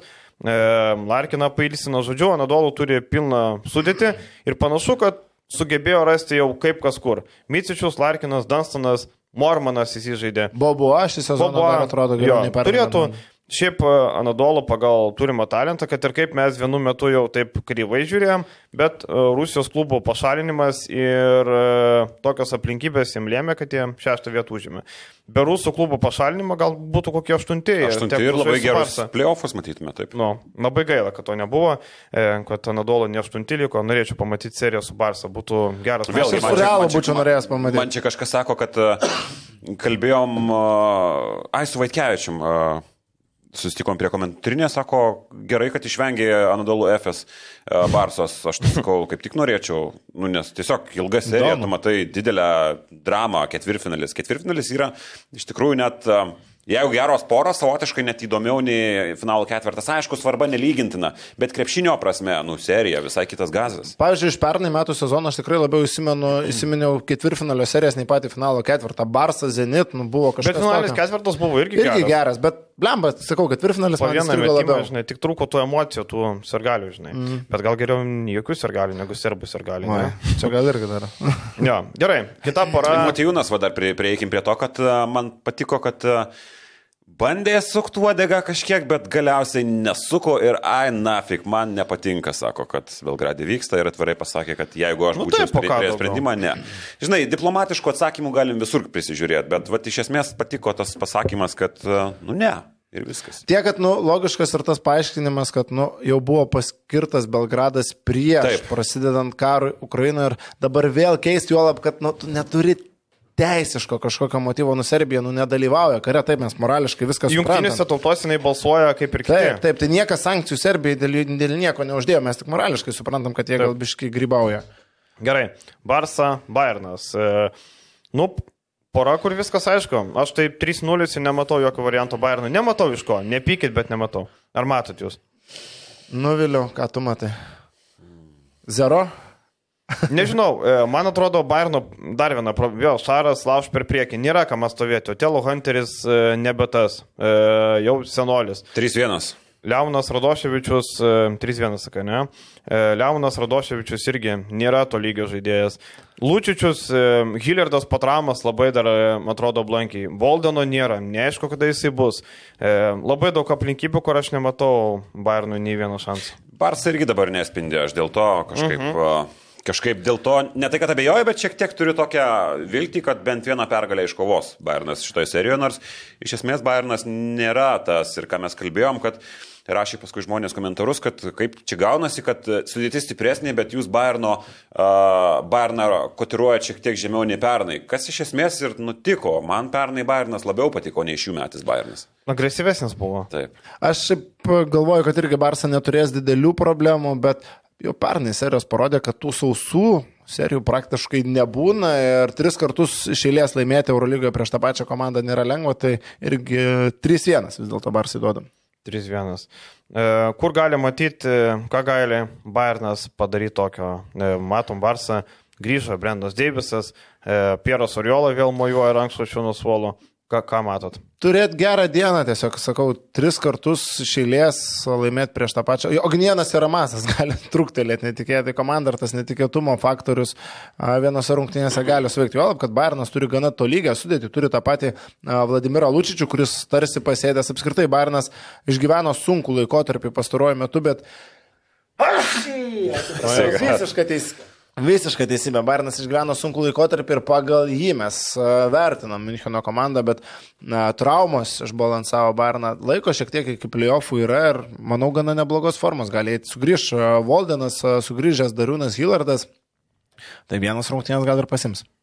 Otelo Hunteris, Augustinas Rubidas, ta priekinė linija nėra tokia vis tik, kurią visiškai daužytų tiek tas pats uh, Brennas Deivisas, kuris neaišku, koks jis grįž, jis turėjo paties traumą, jis palauk su Malaga vakar nežaidė. Žaidė, žaidė. Jau žaidė. Taip, taip. E, Turėjo paties traumą, tai kokias dvi savaitės jisai buvo praleidęs, uh, tai pamatysim, koks jisai teis į ta serija yra Hilliardas prie geros dienos, jeigu atsigaus, yra geri perimetro gynėjai. Tai mėsos, iš ko paimta vieną pergalę, yra. Mėsos, iš ko paimti uh, tris pergalės ir važiuoti finalų ketvirtą, nėra. Tai mano toks. toks Šiaip lab, labai norėtųsi, kad tos intrigos bent pavienės rungtynėse būtų vien dėl emocijų. Trinkierį prieš Esikevičių, nu, čia yra Eurolygos desertas. Taip, taip. Ir e, gerai, e, tai šitoje poroje nieko ypatingo nematoma, ne? E, kita pora - Olimpiakosas prieš Monaką. Ir čia, čia šiaip labai įdomu, ar ne? Čia vėl polimas prieš gynybą, turbūt galim vėlgi taip pat sakyti, kaip ir e, pirmos poros atžvilgių. Ką manote apie šitą dvikovą? Aš galiu pradėti, visus kartus kiti pradėjo, tai šausiu, kad vis dėlto Olimpijakosas pasims Monaką, nors Monakas ir geros formos ir žaidžia solidžiai, bet gali pritrūkti, galvoju, tokioje serijoje sudėties gilio. Olimpijakosas turi kur kas gilesnę rotaciją, turi daugiau pasirinkimų gynėjų grandyje. Ten labai daug kas vis dėlto Monakė priklauso nuo Maiko Jameso. Jeigu jam rungtynės nesiklosto, Monakas jau yra visiškai kitoks. Aišku, Dveinas Baconas pradėjo žaisti kur kas geresnį krepšinį nei pradžioje. Alfa Dialo daug duoda, bet Ketvirtoje pozicijoje, aš įsivaizduoju, trečioje turės ryškius pranašumus Olimpijakos ir 3-1. 3-1 prie klubas. Nugalėtojai prieima drąsius sprendimus, aš pabandysiu priimti drąsesnį sprendimą 3-0 Oli laimė seriją šitą. Ir šiaip čia net nėra kažkoks iššokimas, ne, ne. norėjimas nučiupti taškus sėkmės atveju, aš noriu tiesiog pasakyti, kad aš iš tikrųjų taip manau. Aš iš tikrųjų manau, kad šitą seriją laimės Olimpijakosas. Nebūtinai tos pergalės bus nesunkios, bet serijos rezultatas, mano manimu, turėtų turėtų būti 3-0. E, Maikas Džeimsas yra viso ko ašis, e, viso ko kūryba, viso ko pats žaidėjas Alfa ir Omega, kuris grasina krepšiui, bet e, tiesiog Olimpiakosas yra pakankamai stipri taktiškai komanda ir individualių žaidėjų turi tokių, kurie vienas prieš vieną, nu, gali pakonkuruoti su Maiku Džeimsu gynybą prieš polimą. Ir aš galvoju, kadangi Olimpiakosas ir apskritai yra viena, viena taktiškai stipriausių gynybos komandų, tai Monakui tokiai, tokiai visiškai laukiniai polimo komandai, aš galvoju, kad ne tokiai laukiniai, kuri buvo prie Zvetino Mitrovičiaus, bet vis tiek tas, tas, tas, tas išliko, bus prieš Olimpiakos labai sudėtinga. 3-1, sakai, jo? E, aš irgi sakyčiau 3-1 Olimpiakos naudai. Tarp kitko paskaičiuota, kad Olimpiakos yra komanda, kurie labiausiai nepalanku žaisti du mačius, na, kaip dvigubas savaitės, kaip dabar, tarkim, bus irgi serija. Dėl paprastos priežasties rotacija labai, labai siaura, labai aiškiai rotacija. Olimpiakos? Olimpiakos, nepalanku žaisti, taip. E, dėl to, kad labai daug minučių gauna Vezinkovas ir jisai dažnai būna antrose rungtynėse pasėdęs.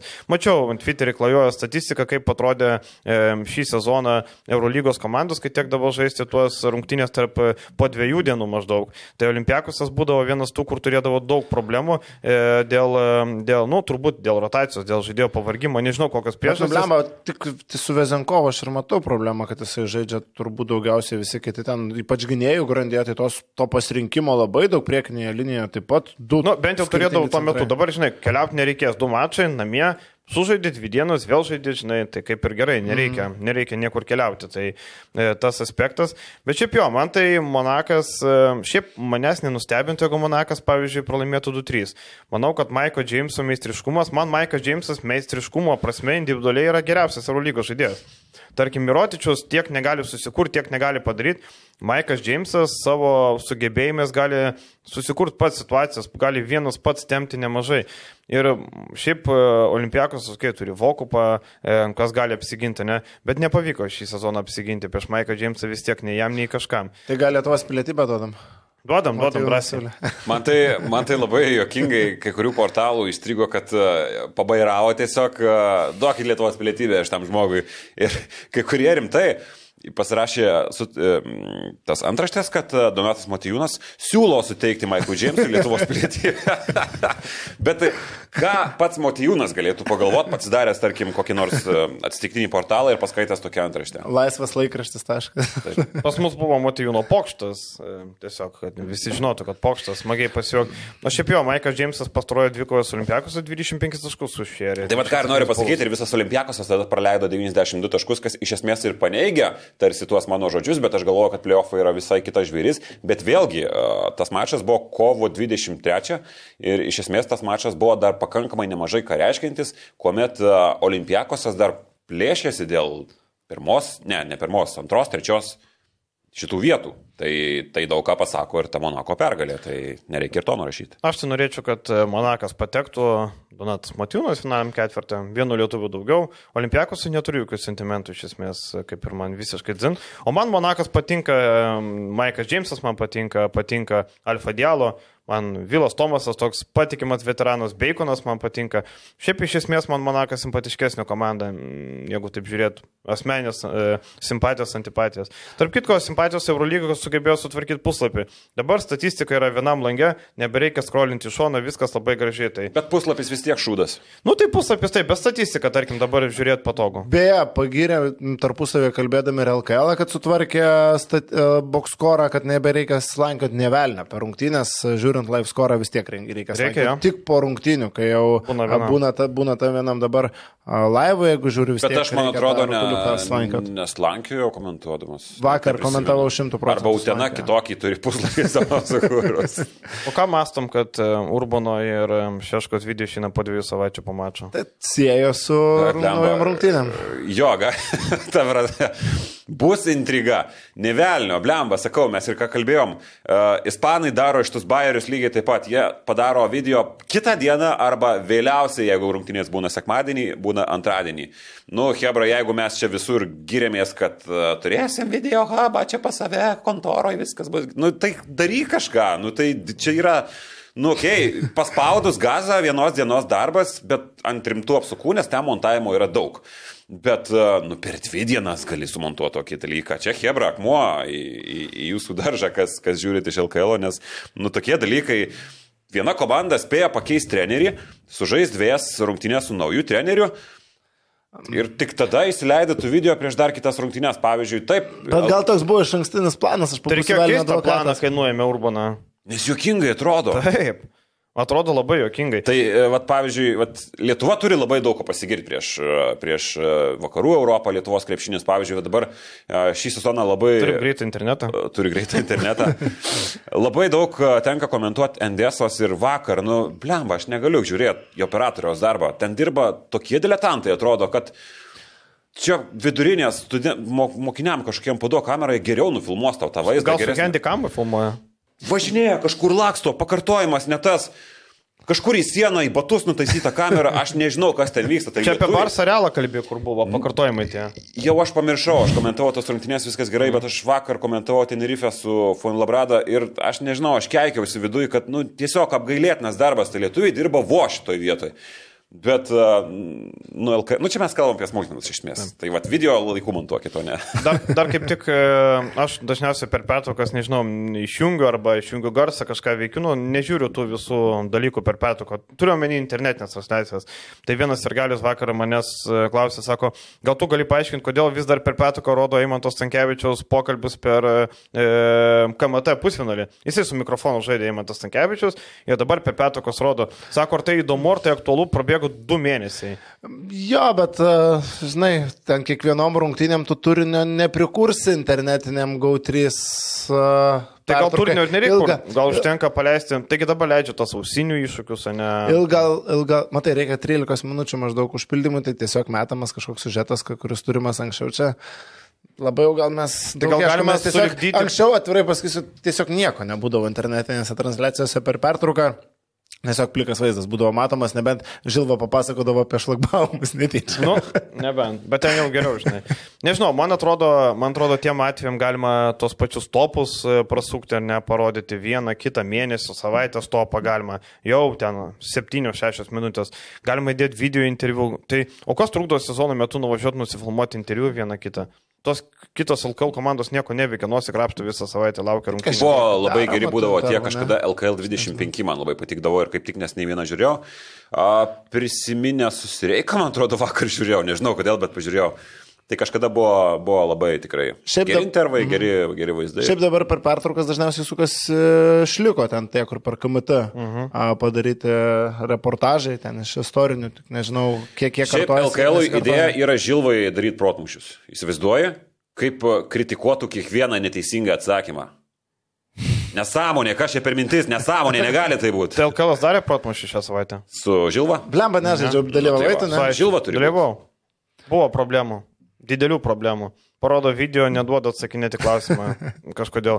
E, Daug kas skundėsi, nespėja perskaityti jo labai greitai, nespėja klausimas praeiti, jau ten, žinai, duoda atsakymą.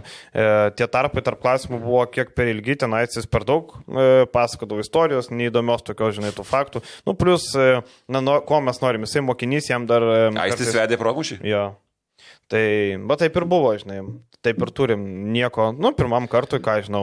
E, šiaip buvo, ten paleido protmušį, turėjo pradėti žaisti, tada visus userius išmetė, teko iš naujo registruotis. Na, tokie visokie, nežinau, gal nebuvo pabandyti, arba dar kažkokie techniniai dalykai. Žodžiu, buvo ten kelis kartus Aistis paskaitė ne tą klausimą, kuris buvo, klausimą į priekį. Ten, žinai, klausimą į priekį, tai galima buvo užgooglinti per tą metu kito klausimo. O šiaip patys atsakymą. klausimai geri.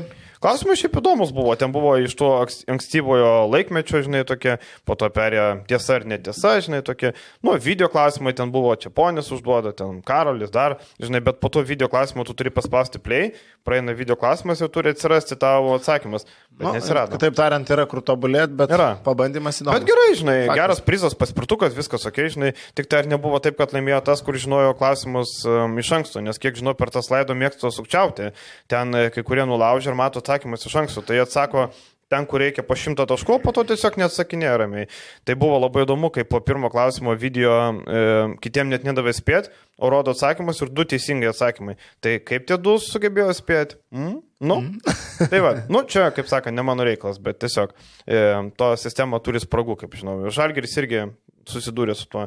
Ne Žalgeris daro insideriam protmušį irgi, irgi yra susidūrę su tuo. Tai arba skaitniusai savo protmušį buvo pagavę žmonių, kurie sukčiaudavo. Tai va, tai, nu, okei, okay, tie bunė tų žmonių sąžinė, ne? va, Šlikas? Tai... Šlikas, šlikas nemanau, kad. Šilikas, tarp kitko, kurį laiką pirmavo tam Šlikas protmušas Nes ten buvo daug istorinių faktų, Šilikas šiaip krūtas ant to jo. Tai Mūsų legendinė protmušio komanda vadinosi Išlikas ir Baučiukas ka- kadaise. Stars and Legends pas Marčiulio. Kas tas Baičiukas? Nežinai, Evro. Nežinai Aivaro Baučiuko? Ne. Žalgiras. Esu matęs- Žalgiras ir galiu irgi. Esu matęs Žmogus Facebook'e, turintis bet- nemažai žinių apie krepšinį irgi ten protmušęs. Esu matęs Facebook'e, kad figūruoja, bet e, aš taip nežinau. nu, Senas žalgerio sirgalius nusinti. Neatsimenu, kaip atrodo, žinai, Nu, tas prie senas, ne, ne, tai- čia, ne, ne, ta, šlikas yra senas, šlikas yra Vaičiukas senas. ne? Nuo 85. Šlikas būdavo net Jonikas, Eurobasketose visur fan nuo 85. Tai šitą O gerai. A, jo? A, fano. Mm, Jis. Eurobasketą tikrai judėdavo su Nežinau, štai. Krepšinis nežinau. net pas mus irgi O tai judėdavo. Baučiukas ne, ne, ne tada. Baučiukas net to. Nes, jaunesnis. kodėl mes pasivadinom? Nes buvo legenda, kad jie kažkada susipyko labai stipriai. Nežinau. tai mes pasivadinom Šlikas ir Baičiukas ir kažkada e, buvo ta komandėlė laimėjo, aš tada nebuvau, bet Pakienas ir kitas e, bičiulis jie laimėjo ir jie pasiliko ir atsėmė prizą ir įkelta, nes ten Jama su, su Laurinu organizuoja ten tą protmušį ir nufotografavo juos. Ir įdėjo į savo puslapį, kad šio turo nugalėtojai yra išlikas ir Baičiukas.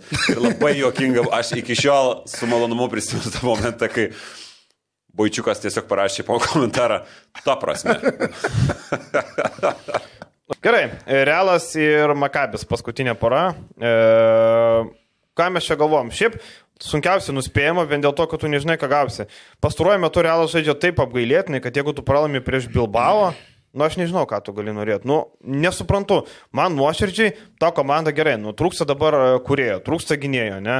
Ten e, Gosas e, 10 minučių gauna, Jūlos turi nešti e, visą tą naštą, Abaldė bando. Bet, nu, negi taip blogai, kad tu be gynėjų negali aplošti Bilbao komandos. Nu, nežinau, e, ką jūs galvojate. E, Bandė jie ten ieškoti, bandė vieną penketą su Vincenu Puirė, su Walteriu Tavariu. Tu komentavai tą mačą, gal ne? Ne, ten komentavo Gedrius, man atrodo. Uh -huh. uh, tada su Geršonu Jabuselė kažkiek jau ten geriau sekėsi, aš paskui permečiau akim minimaliai tas rungtynės, nes nudaro įspūdį iš tikrųjų, kaip ta ko- komanda yra neįgali. Paimkim tą patį L klasiko, nu, gerai, tarsi ir rezultatas geras, viskas buvo gerai, graži kova, intriga ir panašiai, bet vėlgi gynyba, nu, man keisti kai kurie būna momentai, laso rotacijos tos pačios, aš nežinau, man atrodo, kad uh, akivaizdu, kad šita komanda labai stipriai prisvilo su, su, su, su, su, su Arteliu. su Erteliu, su, su Gosu. Nigelu Williamsu Gosu ir akivaizdu, kad jis net nežaidžia. Tai, nu, galbūt kažkokia trauma yra, bet tu bei žaidėjų, nu, tau serijoje kažko tikėtis net ir prieš tokį Makabį, kuris taktiškai šiaip jau, nepaisant visų gerų rezultatų ir tų penkių pergalių ar šešių iš eilės, taktiškai, bet kokiu atveju tai labai silpna komanda. Viskas, Avi Evinas viską yra atidavęs tiesiog į žaidėjų, kurie yra ball handleriai, kurie yra individualiai labai stiprų žaidėjai rankas. Ir ten daugiau nieko nėra, dar po rungtynių Nanalai sako, o dabar čia mums reikia pristatyti. Nanailį? Nanalai. Nanailį. Nanailį, kitaip tariant. Taip, taip. Nuo Svairopolo prie Eveno mums čia reikia pristatyti prie schemų senį. Kokių schemų? Tiesiog jums paduotas kamuolys, jūs paleisti esat ir tiesiog Kaip, žaidžiat. kaip, kaip per kūno kultūros pamoką. Žaidžiat kažį, taip. Evanas ten kabutė geria ant suolo. Tai va, bet a, tokiam realui aš galvoju, nu, vis tiek bus didelių problemų, kad ir koks. Problemų bus. Sutinku, man šiaip apskritai Makabio sudėtis dar prieš sezoną kalbėjom, kad patiko, tai kaip ekipa buvo sukomplektuota, aišku, visi tikėjome visų pirma, kad Svairopolus sugebės sulibdyti darnų darinį iš e, šio žaidėjų kratinio. To padaryti nepavyko, išvyko a, graikas, komanda pradėjo žaisti, komanda pradėjo iškovoti pergalės ir penkta vieta reguliariam sezonui atrodytų labai solidžiai, bet Nu, kaip ir sakai, žaidžia bardaką. Aš neįsivaizduoju, kad to bardako gali užtekti serijoje laimint prieš realą, kad ir koks jis bebūtų. Aš vis dėlto matyčiau realo pranašumą ir a, gynyba turėtų paimti vis dėlto Tel Avivo klubą.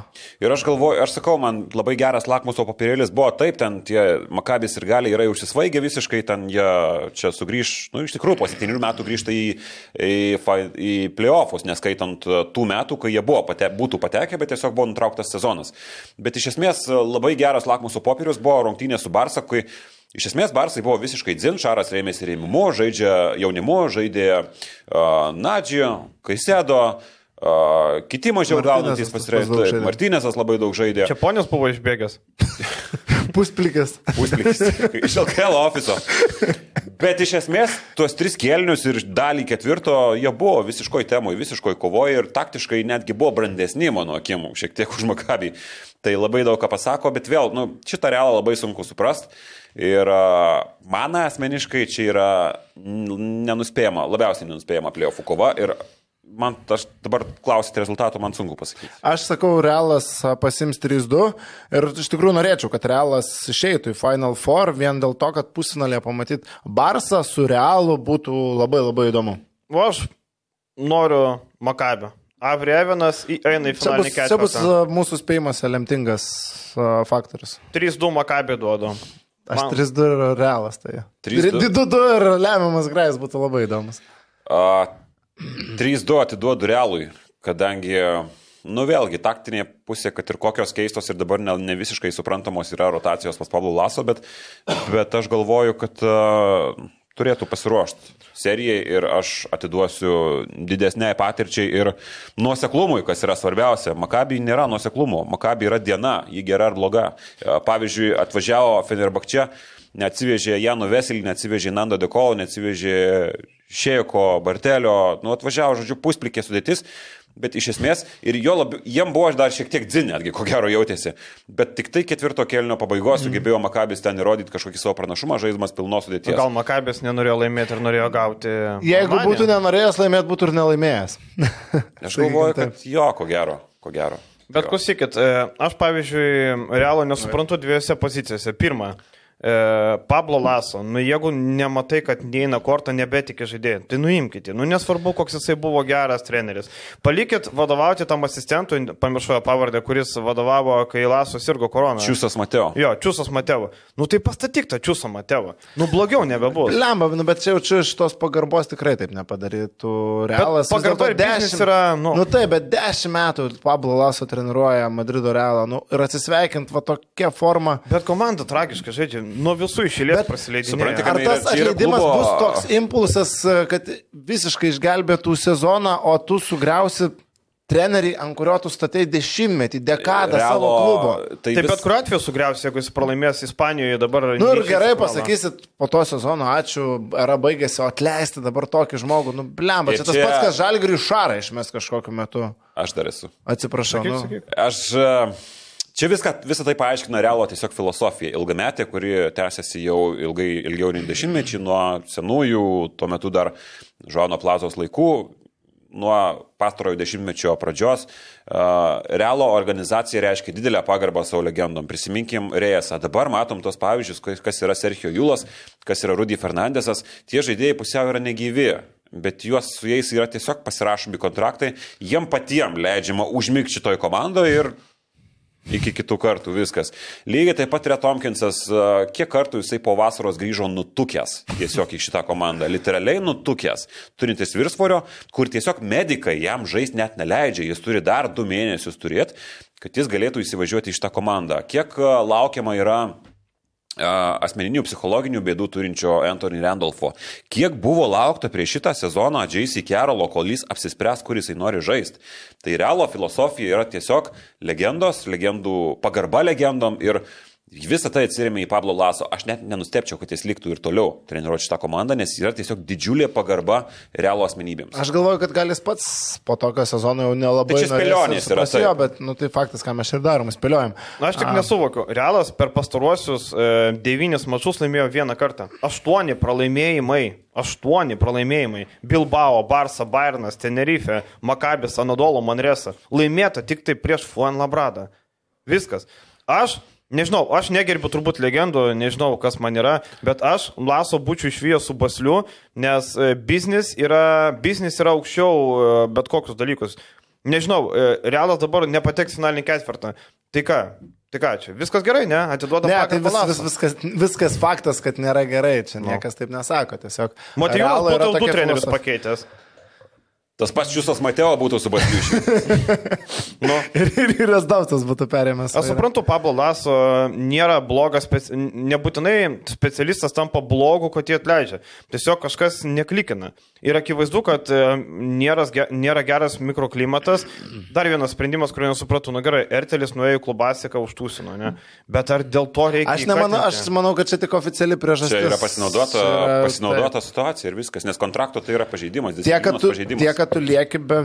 Kad Bet jis kaip iki tol daug žaisdavo, nebūdavo toks, kad tipo, ten norim jo atsikratyti ir ten e, apie, aplink Vising Center. Aš manau, kad yra vidiniai, e, kaip pasakyti, kivirčiai, čia ne žaidimo problemos. yra. Įvyko gal Jie žinojo, kažkas daugiau. realiai Realas žinojo, kokį žaidėją gauna. Ir jie iš esmės tą žaidėją gavo, buvo labai daug mačų, nu, visiškas lakmuso popierius yra mačas su uh, PAO, kuomet Realas kovojo dėl tos antros pozicijos ir galiausiai jį prapylė. Uh, pradėjo rungtynės uh, 16 penki, kažkas tokio, uh -huh. realas pralaimėdamas. Ir reikėjo kažkokių sprendimų ir kilo nuo solo artelis. Ir būtent tai sprendimas, kuris imasi ant savęs, nekuria, o imasi ant savęs ir išjudino realą, kuris vėliau grįžo į kovą. Tai šiaip, kokį pirko žaidėją, Girinai kaip krepšininką, jie tokį ir gavo, viskas yra gerai, jis nenuvylė, jis ne, kažkokį neviršijo lūkesčio, nors mano net ir biški viršijo, ką mes matėm sezono vidury. Bet iš esmės aš kažkaip įsivaizduoju visą ap, ap, apibendrinus, kad uh, buvo tiesiog ginčių su treneriu, Marka tą pati rašė, kad buvo ginčių su Pablo Laso, Marka rašė, kad uh, ne Marka, kažkoks kitas portalas. ESCOM, man atrodo. E, Buvo kažkuris, kuris rašė, kad apskritai kiti, kai kurie žmonės apskritai Ispanijoje labai prastai vertina Ertelį ir jie prastai vertino dar nuo tų jo sukčiavimų ir Barsos išdavystės, kuomet jį nuvežė daryti su Feneriu, bet jis galiausiai, nu, prisiminam, čia nereikia kartotis, tai Ispanijoje pagarbą prarado jau tada Ertelis. Ir dabar jis nuvilia Ispaniją dar kartą, nes anot pačių Ispanų, kiek, kiek ten yra ir žmonių iš arti to klubo vidaus, kad toje situacijoje iš esmės Ertelis yra kaltas. Nežinau, e, tokia situacija tu save visiškai pasmerkė. Jeigu dabar mes žiūrint... vat, dar kartą mes pamatėm uh, pavyzdį, kuomet uh, iš esmės uh, kažką prisidirbęs yra ir Geršonas Jebuselė. Gauna baudą. Tiesiog. Kodėl? Nes jis yra svarbiausias žmogus komandai. Nu, vienas. Nu, jie bus elė, iš mes jau čia būtų toks. tai nu, gal būtent apie ką mes kalbame. Gal dėl gražaus užpakalio paliko. Labai gražus Nu, užpakaliai. nu tai va, tai manau, kad gali būti viena iš priežasčių, kodėl jisai liko komandoje. E, nežinau, man atrodo, realas šiuo metu, jeigu Ispanijos pusfinalį gautų kokią Valenciją, gautų sprikti ir baigtų savo pasirodymą. Ir e, nežinau, per devynis mačius, aštuonis kartus pralaimė, dabar reikia laimėti tris kartus prieš Makabę. Ar ta komanda turi potencijos laimėti tris kartus prieš Makabę? Ar turi kiaušinius? Nu, bet gerai, jeigu Prisiminkim būtų... praėjusiu metu ketvirtfinalį su Anadolu. Bet jie tada ne tokios formos Jie atėjo. buvo atėjo tragiškos formos. Jie atėjo prastos formos. Jie Bet atėjo jie, prastos bet jie nepralaiminėjo visiems lūzeriam išėlės. Bet jie neturėjo iš vis rotacijos, ten buvo tra tra Taip, tragiškas. bet čia dar, žinok, kartais geriau. Pažiūrėk, Juventusas be rotacijos sugebėjo jo navai laimėti, kai prieš tai vieną kasą gavo. Tai ne visada rotacija. Atsimink, reikia. Kuo blogiau, tuo geriau. Nu, čia žinai. Čia žinai. Bet, nu gerai, o jeigu, pavyzdžiui, būtų Anadolo su Realu. 3-0 aš dėčiau Anadolo, o jūs... Anadolu imtų, aišku. 3-0 dėtumėte? Ne 3-0, 3-1. Aš sakau, 3-0 iš vis niekur nedėčiau šit- šituose ketvirtfinaliuose dabar. Aš dėjau. Nu, tu drasus vyras, matai. Taip. Aš irgi Barsų 3-0. Šiaipgi būdavo tų sausų serijų. Būdavo, Pernai ten pernai, kad fe, visi... tai ne, pernai Feneris su CSK. Taip, sausam. taip, taip, taip. taip. Bet ten buvo labai objektyvas priežastis irgi. Taip, nors, žinai, kai serija persikėlė į Stambulą, jau turėjo tos ginklus, galėjo, bet nepaėjo. Tai va, tai ką, prasidės. Ir vat vėl, tu, e, pabaigiant apie realą, ko gero, e, rizika didelė yra ir Ispanijoje. E, Prisiminkim dabar, visiškai mėsmalė turi keturias komandas - Juventudas, Valencija, Lenovo, Manresa. Uh Mhm. Ir būkim bėdami, bet teisingi realas nėra šiuo metu geresnės formos už bet kurią iš tų komandų. Ir realas šitas komandas lenkia tik vieną pergalę, tai ten dar visko labai gali būti, gali realas kris net į šeštą vietą. Tai, tai reikalai fakapinasi panašu, kad ir Endesui. E, Ir dėl Juventuto, čia buvo praeitą kartą du kartus sakiau, vienas sukritikavo, kad Juventutas, Hu, ne. Ne, velnio. Juventudas, aš Taip, taip, ne. Hu. E, Juolap yra tarimai Eurocapė, dar prieš rungtynės Eurocapą aš pats kalbėjau su jų, tai yra Juventutas ir ne joks ne Juventutas, ne Hujus, joks Juventutas, Žu, nuo žuvis. Tai va, tai tiek. Tiek turbūt, ne? E, Pagaliau pliaufai prasideda, įdomus dalykai, finaliniai mačai LKL reguliariajame. Pažiūrėsim, tikėkis netikėto, ne? Viskas, gerų Velykų, stiprių kiaušinių, e, laikas, subscribas ir iki kitos savaitės. Gražių švenčių. Te. Iki.